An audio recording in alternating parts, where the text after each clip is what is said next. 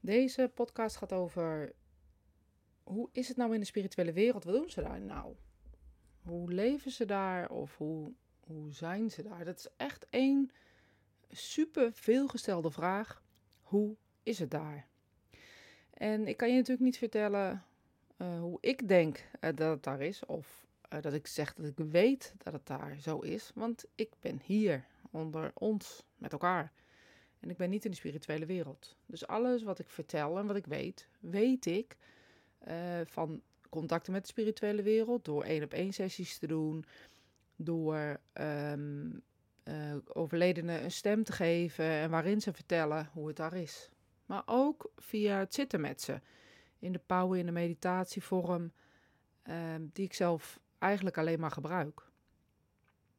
En zo krijg ik antwoorden en ook via transsessies waarin ze vertelde, uh, zowel via mijn uh, transmediumschap als via andere transmediumschap, uh, via trans andere, sorry, via andere transmediums, waarin ze vertelde hoe het daar is, hoe het daar werkt, hoe ze daar zijn, wat ze daar doen.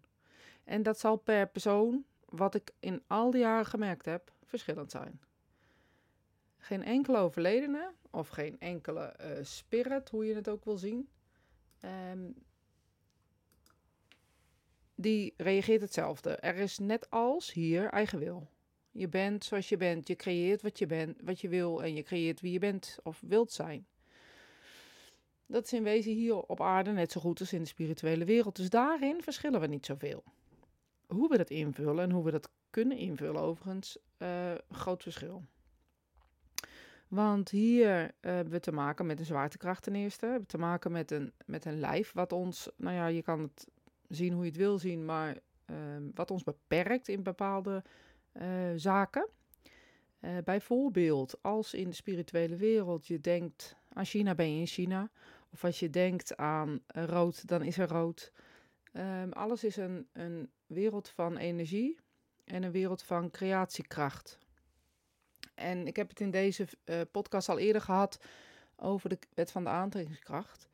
En um, dat is eigenlijk hetzelfde. De creatiekracht is dat waar je wat je denkt dat gaat gebeuren, dat ook gaat gebeuren. En bij ons zit soms een beetje vertraging op. En in spirit is dat niet zo. In spirit is dat nu en direct.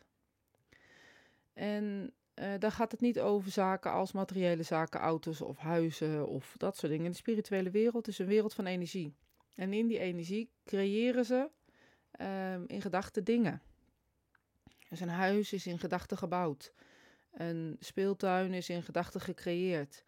Een jurk die ze laten zien uh, als ze contact met je maken die ze aan hebben, is in gedachten gecreëerd. En die brengen ze over telepathisch op jou.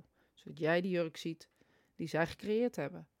Dus in de spirituele wereld is een wereld van creatie, een wereld van um, uh, je, je, eigen mogelijkheden eigenlijk. Maar ja, dat is hier ook natuurlijk. Uh, in de spirituele wereld kunnen ze samen zijn, hoeft niet. Ze kunnen bij elkaar zijn. Ze kunnen ervoor kiezen om bij geliefden te zijn. Um, ze kunnen ervoor kiezen om bijvoorbeeld de geliefde waar je altijd op aarde mee gebleven bent, um, ook te blijven zien of misschien wel bij te blijven. Niets is vast en alles is een soort open, maar niet omdat we niet bij elkaar willen zijn, omdat de mogelijkheden veel groter zijn. Dus op het moment dat ik bij één wil zijn, kan ik ook bij de ander zijn. Uh, eigenlijk tegelijkertijd. Als wij aan ze denken, dan weten ze dat. Als wij denken aan onze geliefde met liefde, dan zien zij een kleur, een geur in de spirituele wereld ontstaan um, van ons af, maar vooral naar hun toe. Uh, dat ze weten, oh wacht eens even, er wordt aan ons gedacht en dan zullen ze ook altijd bij ons zijn. Um, als je bijvoorbeeld de kennis hebt van um, uh, uh, geneeskunde, dan zul je in de, in de spirituele wereld daar dingen mee kunnen doen. Als je verstand hebt van natuur of van, van medicijnen of wat dan ook, dan kun je daar in de, in de spirituele wereld mee inspireren. Heb je altijd een groot huis gewild, kun je dat in gedachten daar bouwen. Heb je um, uh, bijvoorbeeld, wat heel mooi is, wat de spirituele wereld ook zegt, als er uh, kinderen zijn die op welke manier dan ook niet de aarde gehaald uh, hebben, worden ze opgevangen door vrouwen en mannen die nooit kinderen hebben kunnen krijgen op aarde. Dus waarin er altijd iemand voor iemand zorgt. Dat betekent niet dat deze kinderen hun eigen familie niet meer zien. Nee, zeker niet. Dat is hetzelfde als hier. Iemand zorgt voor iemand en we bezoeken mensen. Het is zo open en zo liefdevol dat wij bijna niet voor kunnen stellen hoe dat is.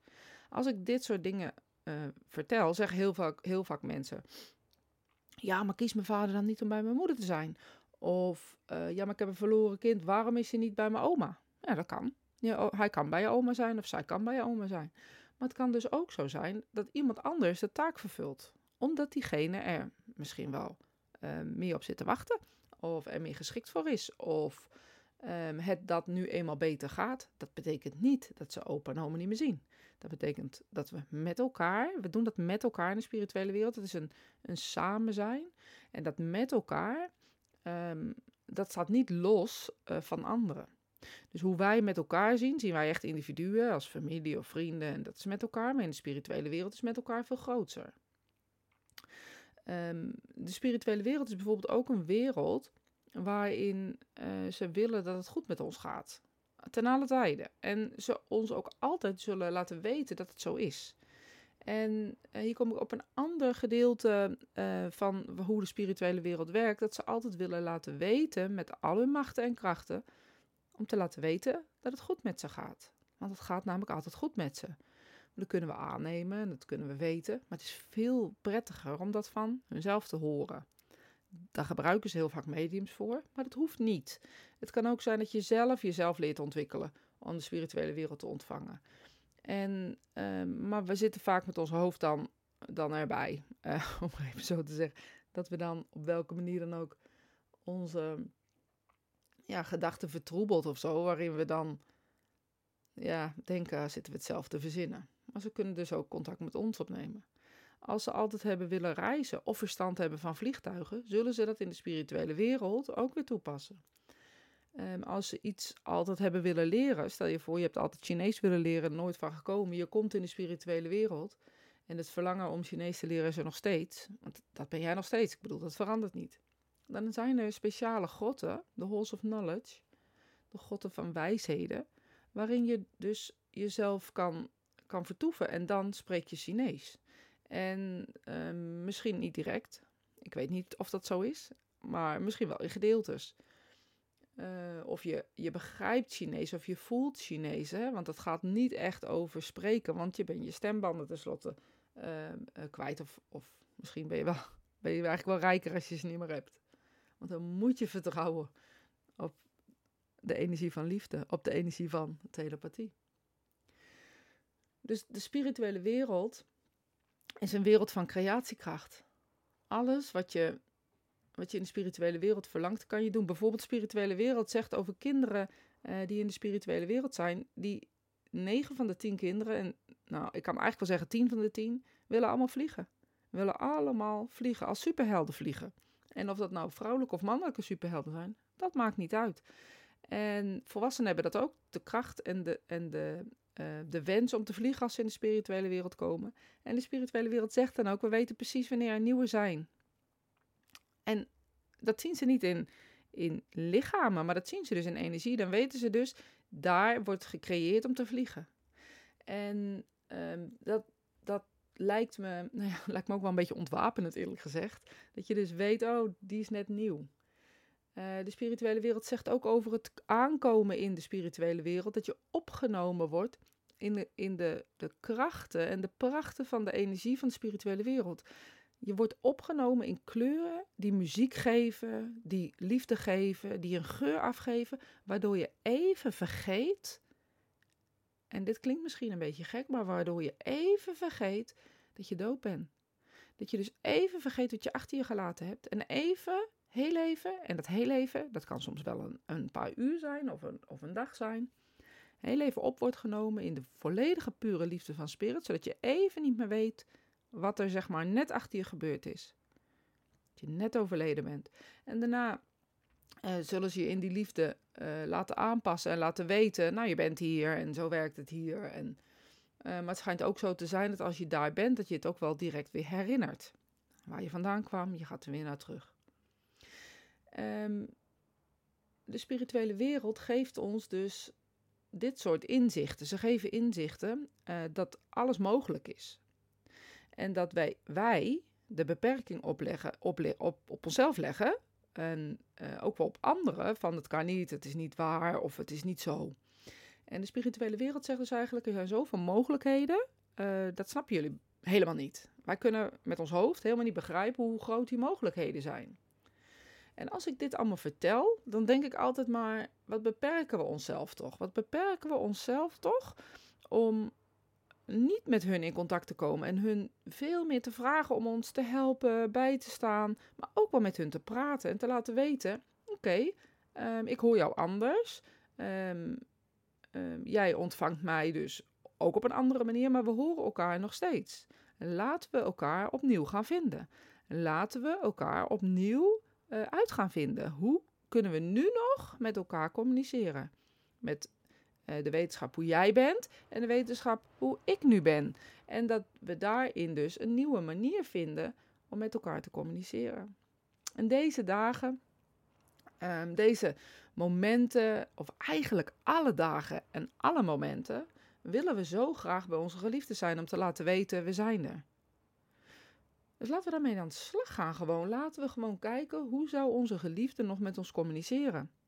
En wie weet moet je dan wel even in stilte gaan zitten. En wie weet moet je dan wel even bij jezelf komen om te kijken, oh wacht eens even, hoe zou diegene dat kunnen doen? Wat zou nog in de mogelijkheden zijn? Hoe zou diegene mij nog kunnen uh, berichten? En dat gaat niet met een brief op de post of uh, uh, gordijnen die wapperen of wat dan ook. Uh, nee, dat gaat veel subtieler dan dat. Dus wie weet kan diegene in de spirituele wereld jouw gedachten wel beïnvloeden. En ik zal je één ding zeggen bij dit. Gedachten die ze beïnvloeden zijn altijd positief. De spirituele wereld zal nooit, maar dan ook nooit, op een negatieve manier je gedachten uh, beïnvloeden. Dus als jij lelijke gedachten hebt, helaas doe je dat zelf. De spirituele wereld zal altijd vol liefde en vol um, enthousiasme en, en altijd vol aanmoediging uh, jouw gedachten beïnvloeden. Zijn ze het niet eens met keuzes die je maakt, dan zullen ze misschien op een nu genuanceerde manier um, uh, vertellen dat er ook nog andere mogelijkheden liggen. Ze zullen nooit zomaar zeggen niet doen. Ze zullen altijd laten zien wat er wel nog is en wat er wel nog kan.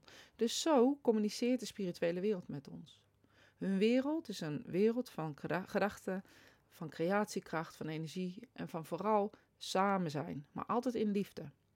Dus elke verbindenis die je aangaat met spirit is een liefde. En dat willen ze ook heel graag laten weten. Benader ons in jouw liefde, want dan kan je met ons spreken.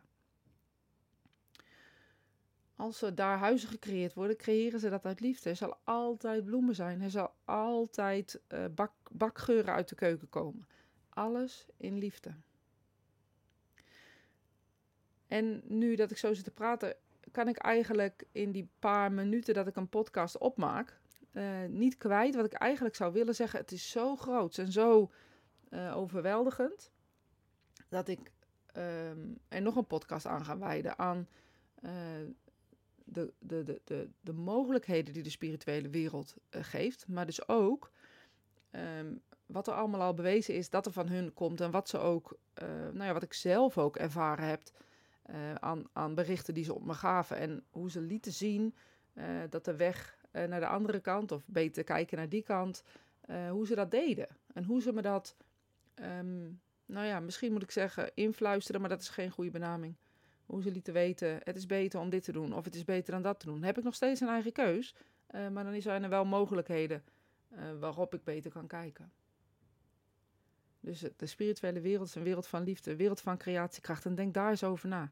Denk eens na over, over de wonderen die ze daar hebben, maar ook de beperkingen daardoor om met ons te communiceren. Dus daarom zeg ik eigenlijk in dit uh, laatste moment: hoe zou jij communiceren met je geliefde? En zo zal jouw geliefde ook met jou communiceren. In liefde, zacht, echt, zonder kantjes en zonder randjes. Ik wens je een ontzettend fijne dag. En ik hoop je weer snel um, te mogen inspireren met de volgende.